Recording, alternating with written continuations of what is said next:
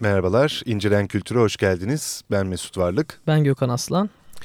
Ee, bu hafta Komünizm Fikri e, Berlin Konferansı 2010'da yapılan Berlin Konferansı'nın e, kitabı üzerinden e, o konferansın konuşmacılarından biri olan ve aynı zamanda Bilgi Üniversitesi Kültürel İncelemeler e, programının da e, gönüllerde daim koordinatörü Bülent Somay konuğumuz.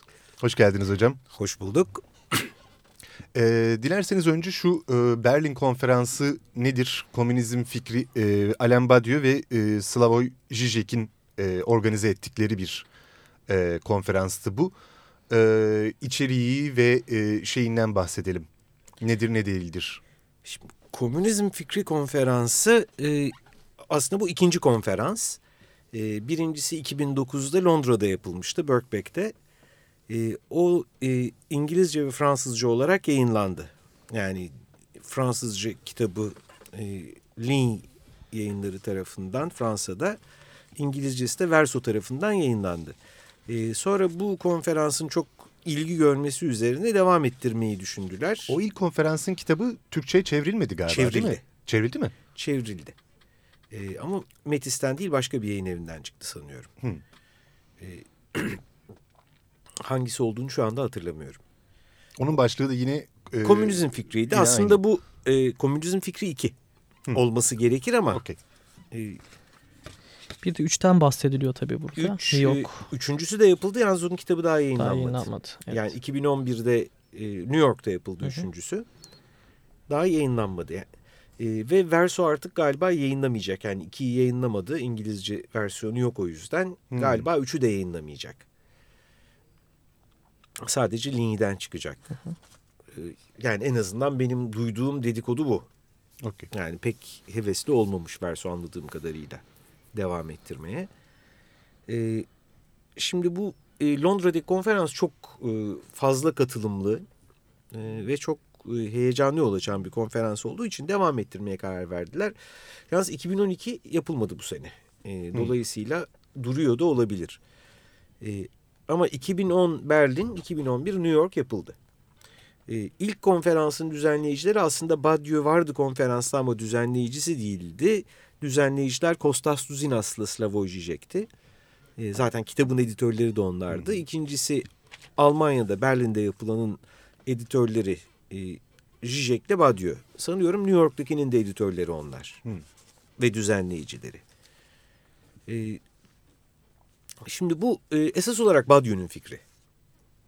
En azından yani benim Berlin'de olduğum sıra edindiğim izlenim oydu. Yani Badiou'nun bir fikri bu. Komünizm fikrini nasıl yeniden yeşertiriz? E, ve komünizm düşüncesini e, popüler kültürde komünizm olarak adlandırılan o 1917-1991 arasındaki e, rejimler, komünist rejimler bunların hepsi tırnak içinde. Şimdi ben tabii radyoda olduğumu unutup bazen havada tırnak işaretleri yapıyorum ve e, siz onları görmüyorsunuz. E, dolayısıyla söyleyeyim tırnak içinde e, gerçek komünizmden ayrı bir şey olarak nasıl sunabiliriz? E, bu da e, sanıyorum e, Žižek'in e, şey kitabına denk düştü. Bu fikrin ortaya çıkması, e, ortaya atılması. E, e, şey olarak yayınlanan kitabın tam e, yayınlanmış olanın adını hatırlamaya çalışıyorum şimdi. E, Lenin'i tekrarlamak diye bir uzun makalesi vardı. Daha sonra Ha. Lenin'in 1917 yazılarını derledi. E, kapıdaki devrim. Ha. Revolution at the Door. E, kapıdaki devrimde dile getirdiği bir şey vardı. Yani komünizmi bir tarafta bir basit bir düşünce. Yani filozofların ve düşünürlerin ürettiği bir şey. Bir de kötü bir uygulama diye ikiye ayırmak her zaman mümkün değildir. Bu ikisini ancak bir arada düşünürsek anlarız. Bu demek değildir ki komünizm Sovyetler Birliği'nde ve daha sonra Doğu Avrupa'da ve Çin'de ne yapıldıysa odur. Kastettiği tabii ki bu değil ama e, komünizmi saf bir düşünce olarak almak da mümkün değil. Yani böyle çok saf ve çok iyi ve çok ideal. Sonra uygulamaya geçince çöktü. Olmadı işte ondan totaliteryenizm doğdu işte her türlü rezalet doğdu filan falan işte gulaglar, e, toplama kampları doğdu işte cinayetler doğdu şudur budur. Ya da işte sonu faciaya varan kültür devrimi doğdu diyelim. şeye kadar gidebiliriz. Pol Pot'un e, Kamboçya'daki e, gene komünizm adına yaptığı o korkunç katliama kadar gidebiliriz. Yani bunlar uygulamadır ve tamamen yanlıştır. Komünizm kendisi çok saf ve temiz bir düşüncedir diye bir ayrım yapmak mümkün değildir. Öte yandan bütün bu faciaların sorumlusu komünizm düşüncesidir demek de mümkün değildir. Yani bir tür gene iki ayaklı düşünce biçimi. Ee, işte Zizek o sırada bunu yeni yayınlamıştı. Ee, Devrim Kapı'da kitabını sanıyorum o da Türkçe'ye çevrildi ve yayınlandı. Galiba. Ee, daha önce o daha kısa bir makaleydi. Lenin'i tekrarlamak diye ki benim bu kitapta yer alan ve konferansta yaptığım sunum birazcık ona göndermeyle hatta biraz eleştirerek Evet. e, kurulmuştur. E, ben Marx'ı tekrarlamak diye ilerledim. Bununla ilgili bir e, komik ayrıntı da var. Onu size yeri geldiğinde Or- oraya- anlatırım evet. da. E, yani kitabın yayınlanması sırasında olan. E, e, dolayısıyla yani Zizek'in kitabı ve Badiou'nun işte komünizmi yeniden bir düşünce olarak hani bir şekilde 1991'den beri e, bir nevi çöpe atıldı. Tarihin çöp sepetine gitti filan e, denilen komünizmi nasıl yeniden e, gündeme getirebiliriz gayreti. Bu ikisi bir araya geldi. İşte ikisinin e, ortak çalışması sonunda üç tane konferans oldu. E, işte biri İngilizce ve Fransızca yayınlandı. E, Türkçe'ye çevrildi tabii ama yani o ilk yayınlarını kastediyorum. İkinci konferans sadece Fransızca yayınlandı. Üçüncü konferansında bekliyoruz. Ne zaman yayınlanacağını göreceğiz. Peki bu konferansların e, yankıları nasıl oldu? Yani hakikaten amaçladıkları gibi bir e, yeniden bir komünizm tartışmasına yol açabildi mi? E, pek sanmıyorum aslında. E, komünizm tartışması entelektüellerin gayretleriyle olabilecek bir şey değil. Hı hı. E, yani bunu küçümsediğim için söylemiyorum. Yani bu konuda entelektüel çabalar olmalı, e, düşünceyi yeniden gündeme getirmek için gayret sarf edilmeli. Yani bunları aşağılıyor ya da küçümsüyor ya da önemsizleştirmeye çalışıyor değilim. Ama e, bu tür bir e, komünizm gibi e, dünya tarihsel bir düşüncenin yeniden gündeme gelmesi ancak e, ona denk düşen toplumsal hareketlerin yükselmesiyle mümkündür. Ve maalesef şimdilik bu yükselişi göremiyoruz. E, isterseniz bu tartışmayı da yaparız. Yani Arap Baharı filan buna yetmez. Hı. E, yani komünizm düşüncesini yeniden gündeme getirmeye yetmez. E, şey de yetmez. E, Ri- e, Ricotta Park'taki e, işgal de yetmez. E, işte İspanya'daki öfkeliler de yetmez. Siriza da yetmez. Yani çok daha e, e, küresel olarak e, yaygınlaşan ve birbirine sürekli gönderme yapan, birbiriyle bakışan ve tabii ki işçi sınıfını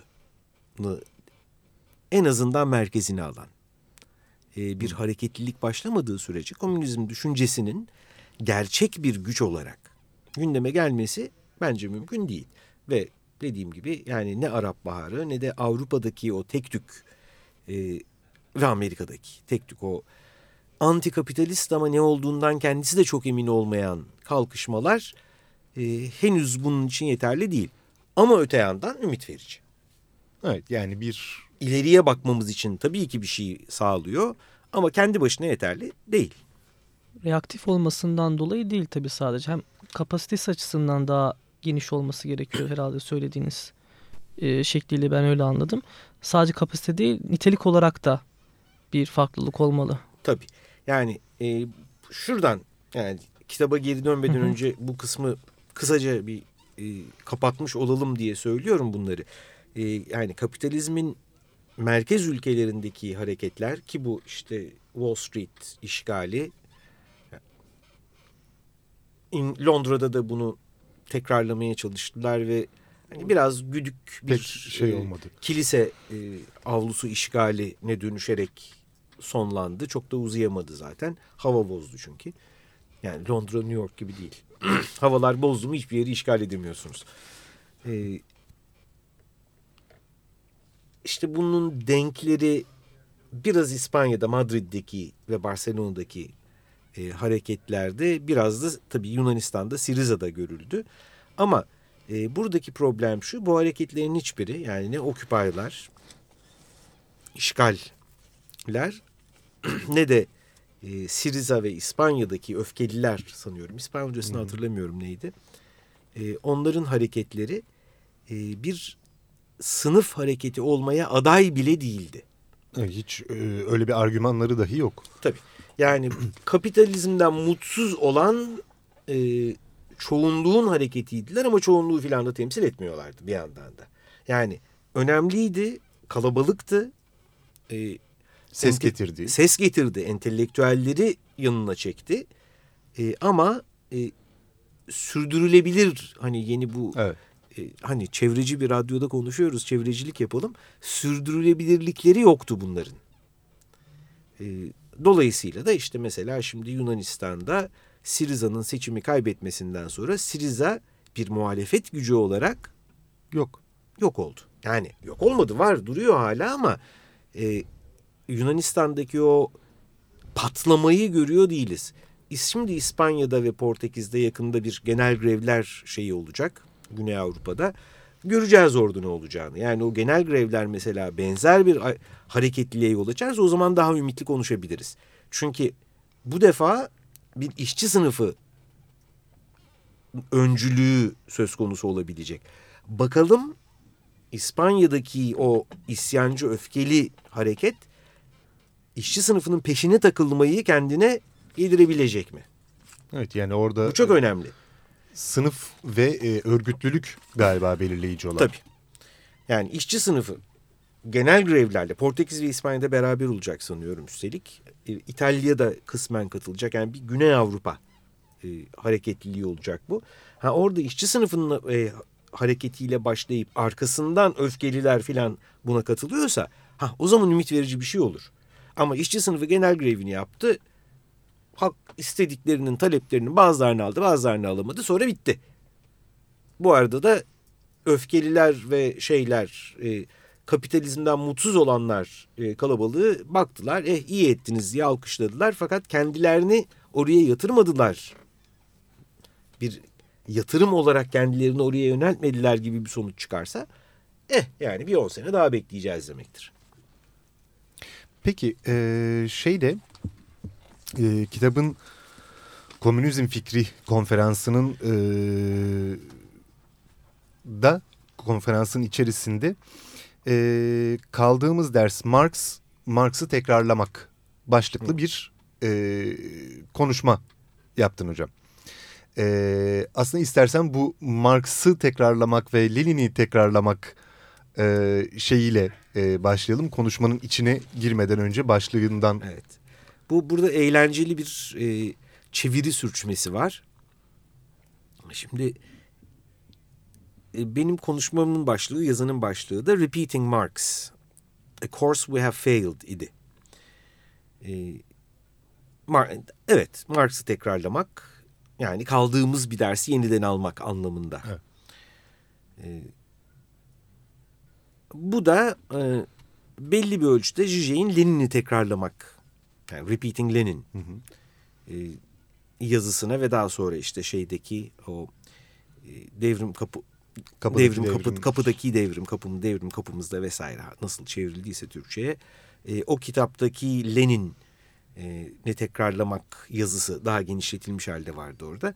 O yazıya belli bir türde eleştiri taşıyordu içinde. Yani Lenin'i tekrarlamak güzel de bir de Marx'ı da tekrarlamak var gibi bir e, anıştırma. Çünkü yani hani e, Zizek'in oradaki tartışması şudur.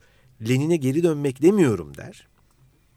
Lenin'e geri dönmek muhafazakar bir tavırdır.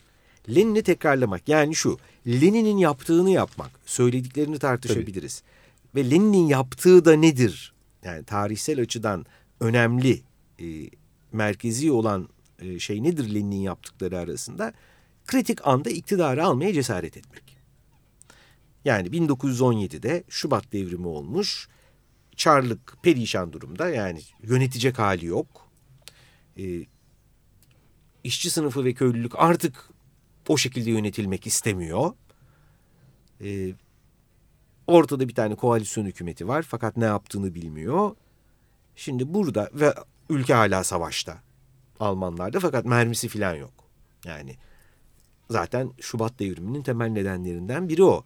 Askerleri gönderiyorsunuz cepheye ama cephane yok ortada. Süngüleri takıp bek ölmeyi bekliyor garibanlar. En sonunda geriye dönüp tabii Petrograd'ı işgal ediyorlar. Hop diye. Yani çünkü en e, vatansever asker bile e, kazanma hiçbir kazanma ümidi olmayan bir savaşa sadece ölmek için gitmez. Evet. E, ayrıca Rus köylüsünün ne kadar vatansever olduğu da büyük bir tartışma konusudur. Yani çar için ölmeye ne kadar gönüllü olduğu da zaten tartışma konusudur. Neyi savunduğunu bile bilmiyor aslında adam. Dolayısıyla dönerler, işgal ederler. Çok güzel, çarlık devrilir. Zaten yönetememektedir. Ve ortada böyle sıcak bir patates gibi bir iktidar kalır. Yani herkes birbirine fırlatmaya başlar. Kimse gönüllü değildir çünkü baktıkları zaman Rusya için bir gelecek göremezler. Savaş bütün kaynakları bitirmiş ve bitirmeye devam ediyor. Bir kıtlık geliyor. Çünkü şey durmuş, tarımsal üretim durmuş. Zaten iki buçuk olan sanayi işçilerin önemli bir kısmı da askere alındığı için bitme, çökme noktasında. Şimdi böyle bir ülkede iktidarı almayı kim ister? Yani alsanız ne yapacaksınız? Yani sadece açlıktan milyonların ölmesinin sorumlusu siz olursunuz bir de. Yani hani zaten ölecektir onlar ama ve hani böyle koşullarda enkaz devraldık diye ağlamak da yetmez. Yani. Vallahi biz iktidarı aldığımızda zaten her şey çok kötüye gidiyordu. Deseniz de kimse sizi dinlemez. Dolayısıyla kimse gönüllü değil. Yani e, kadetler yani liberaller e, şeye atıyor. Sosyalist devrimcilere atıyor. Sosyalist devrimciler Bolşevikleri, Bolşevikler Menşeviklere filan elden ele giderken Lenin ortaya çıkıp bu arada Bolşevikler de gönüllü iktidarı almaya yanlış anlama olmasın. Yani Bolşevikler hele bir duralım biz muhalefet yapalım güçlenelim şunlar birbirine bir yesin demekte. Ve Lenin Şubat devriminden sonra biraz zorlanarak gecikerek Rusya'ya dönüyor İsviçre'den ve oturup meşhur Nisan tezlerini yazıyor. İktidar almalıyız diye. Yani biz azınlık sırada Bolşevikler küçük bir azınlık. Yani bütün Rusya çapında baktığınızda. Ve e, Lenin'in bu e, tezine destek olan bir kişi var Bolşevik Partisi Merkez Komitesi'nde. Stalin karşı. Zinovyev, Kamenev, Radek yani bütün Buharin, bütün önde gelen Bolşevikler karşı. Bir tek Aleksandra Kolontai. Yani daha sonraki feminist Marksizmin en önemli isimlerinden biri olacak Aleksandra Kolontai destekliyor Lenin'i. Fakat Lenin Nisan'dan Ekim'e kadar işte Lenin e, iyi bir kitle konuşmacısı değil. Yani Lenin biyografileri bize bunu anlatır. Öyle çıkıp kitleleri gaza getirebilen e, bir demagog değil. E, Lenin'in en büyük başarısı küçük toplantılarda insanları ikna edebilme yeteneği. Yani böyle 5-10 kişilik gruplarda. E, e bunun içinde tabii aldığı en büyük destek o sırada Bolşevik Partisi'ne katılan Troçki. Yani o güne kadar hep Menşeviklerin tarafında kalmış olmasına rağmen Şubat devriminden sonra Menşeviklerden kopup daha devrimci bir e, hayalle ilerlemek isteyen Troçki Bolşevik, Bolşevik Partisi'ne katılıyor ve derhal Lenin'in destekçilerinden biri oluyor. İktidarı alalım konusunda ve Lenin giderek herkesi kazanıyor. İktidarı alma konusunda ikna ediyor onları. Şimdi Zizek'in söylediği Lenin'i tekrarlamak işte bunu tekrarlamak. Yani devrim sizin sandığınız gibi ne güzel işte işçiler birdenbire ayaklandılar ve iktidarı aldılar. Oh yepyeni bir dünyayı şarkılar söyleyerek lay lay lom diye eğlenerek kurdular diye bir şey değildir. Devrim çok baş belası bir süreçtir. Müthiş geri dönüşler, kan, katliam, açlık vesaire her türlü kötülük olur o sırada. Devrimciler kötü niyetli olduğu için değil. Zaten devrim noktasına ancak bu kadar kötü koşullarda gelinebildiği için ve dolayısıyla devrim anı geldiğinde de o güne kadar devrim devrim demiş olanlar iktidarı almaya korkarlar. Çünkü alıp ne yapacaklarını bilmezler. Lenin'in büyüklüğü, dehası buradadır diyor Zizek. O anda iktidarı almaya cesaret etmiş olması. Şimdi bu tabii Zizek'in icadı değil. Bu aynı zamanda Lenin'i hiç takdir etmemesine rağmen Bolşevik Partisi'ni de çok eleştirel bir gözle değerlendirmesine rağmen 1918'de Rosa Luxemburg'un söylediği bir şey. Cesaret ettiler cümlesi Rosa'nındır. Cesaret, iktidar almaya cesaret etti bunlar. En önemli yanları bu. Ha bir sürü hata yapıyorlar. Yapmışlardı. Zaten ideolojik olarak da problemliydiler. Aldıklarından beri yaptıkları bir sürü hatalar var. En büyük eleştirisi nedir Rosa'nın? Zorunluluğu erdem gibi gösterdiler. Mecburen yaptıkları şeyleri sanki zaten yapılma, yapmak istiyorduk. Yani Nasrettin Hoca gibi biraz. Yani eşekten düştüm ben zaten inecektim. Yani bir sürü Bolşevikler hiç de Marksist düşünce değeri olmayan şey yaparlar. Arkasından da zaten Marksizm böyledir demeye çalışırlar. Ya öyle değildir. Ha ama mecburdum yapmaya deseniz anlayacağız. Ama işte o da siyaset. Siyaset. Şey yani. Rosa'nın eleştirdiği temel şeylerden biridir bu. Ee, dolayısıyla e, hani Zizek icat etmedi bunu. Lenin'i tekrarlamak fikrini. Mesela Rosa da Lenin'i tekrarlamaya çok gönüllüydü. 1918'de nitekim Spartakistler Almanya'da bunu yapmaya kalktılar. Ama o ana kadar yol arkadaşı sandıkları sosyal demokratların in, e, ihanetine uğrayıp işte Rosa ile Liebknecht enselerinden birer kurşunla vurulup e, nehre atıldılar ve bitti. Almanya'da tekrarlama şansı kalmadı. E, Cicey'imizin söylediği bu. Lenin'i tekrarlamak demek Lenin'in devrimci bir momentte iktidara alma cesaretini tekrarlamaktır. Yoksa Lenin'in kitaplarında eleştirecek bin tane şey buluruz ya da 1917-24 arası uygulamalarında eleştirilebilecek bir sürü şey buluruz. Yani Lenin'i tekrarlamak Lenin'in her adımını temize çıkarmak ya da haklı çıkarmak değildir diyor. Katılıyorum. Burada bir tesadüfilik söz konusu o zaman. Yani bir tesadüfi bir durum. Yani tesadüfiden kastettiğimde önceden belirlenmiş, planlanmış bir devrim şeyi yok herhalde. Önümüzde programı söz konusu değil. Hem de nasıl yok. 1916 Aralık e, Lenin e, şeyde Bazel'de sanıyorum İsviçre'de bir demeç verir bir gazeteciye e, ve şey der. Yani Rusya'daki e, problemler, devrimler, savaş sürmektedir o sırada ve hani Bolşevik Partisi de biliyorsunuz Rusya'nın savaşa girmesine karşı çıkan tek partidir.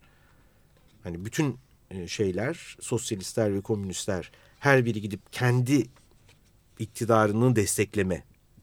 Yani Alman komünist, e, sosyal demokratları Alman devletini desteklerler savaşta.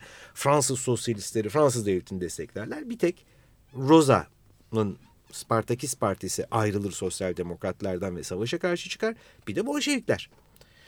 Dolayısıyla hani Lenin ve Spartakis'in öyle bir özel konumu var savaş sırasında. Gidip bir gazeteci bunlarla konuşmuş. İşte savaşın ne kadar büyük bir yıkım olduğunu filan anlatıyor Lenin yani ve bunun ne kadar işçi sınıfı hareketini gerilettiğini anlatıyor ve arada şu cümleyi sarf ediyor. Ee, yani biz tabii ki hala devrim için çalışıyoruz ama Rusya'da devrim yani bizim ömrü hayatımızda görebileceğimiz bir şey değil diyor. Yani hani bizim hayat süremize sığmayacak devrimin gelmesi diyor. Tam iki ay sonra devrim oluyor. yani e, ha, öngörmüyorlar, hazır değiller, haberleri yok, ruhları duymuyor devrimi. Şimdi devrim böyle bir şeydir. Hiç beklemediğiniz bir anda gelir ensenize vurur. Üstelik de onu sen yaparsın. Evet. Yani öyle sen aktör evet. olarak kendini orada Ve bulursun. birdenbire kendini başrolde bulursun. Yani yani sadece aa bu, bu oyun mu oynanıyordu demekle kalmazsın. Bir de kendini sahnede bulursun ve herkes sana bakmaktadır. Yani ağzından ne çıkacak diye. Lenin de öngörmüyordu devrimi. Hiç beklemiyordu. İki ayla yani iki ay öncesinde öngörmüyor ya. Bu kadar korkunç bir şey olabilir mi? Dolayısıyla devrim hazırlanmış, planlanmış bir şey tabii ki değil. Hiçbir zaman olmayacak. Hiçbir zaman olmadı. Hiçbir zaman da olmayacak. Hazırlanamazsınız, öngöremezsiniz. Dolayısıyla Lenin'in tekrarlanması bu demek. Devrim sizin başınıza gelir. Başınıza geldiği zaman ka kaçmak yerine cesaret etmelisiniz. Yani kaplanı kuyruğundan yakalamak gerekir. Yani kaplan karşınıza çıktıysa ya kaçarsınız o sizden hızlı koşuyor, koştuğu için gelir kıçınızdan yakalar ve yer. Ya da kuyruğundan tutarsınız çünkü o zaman dönüp sizi ısıramaz. Dediğimiz ya da anda... boğayı boynuzundan yakalamak. Yani.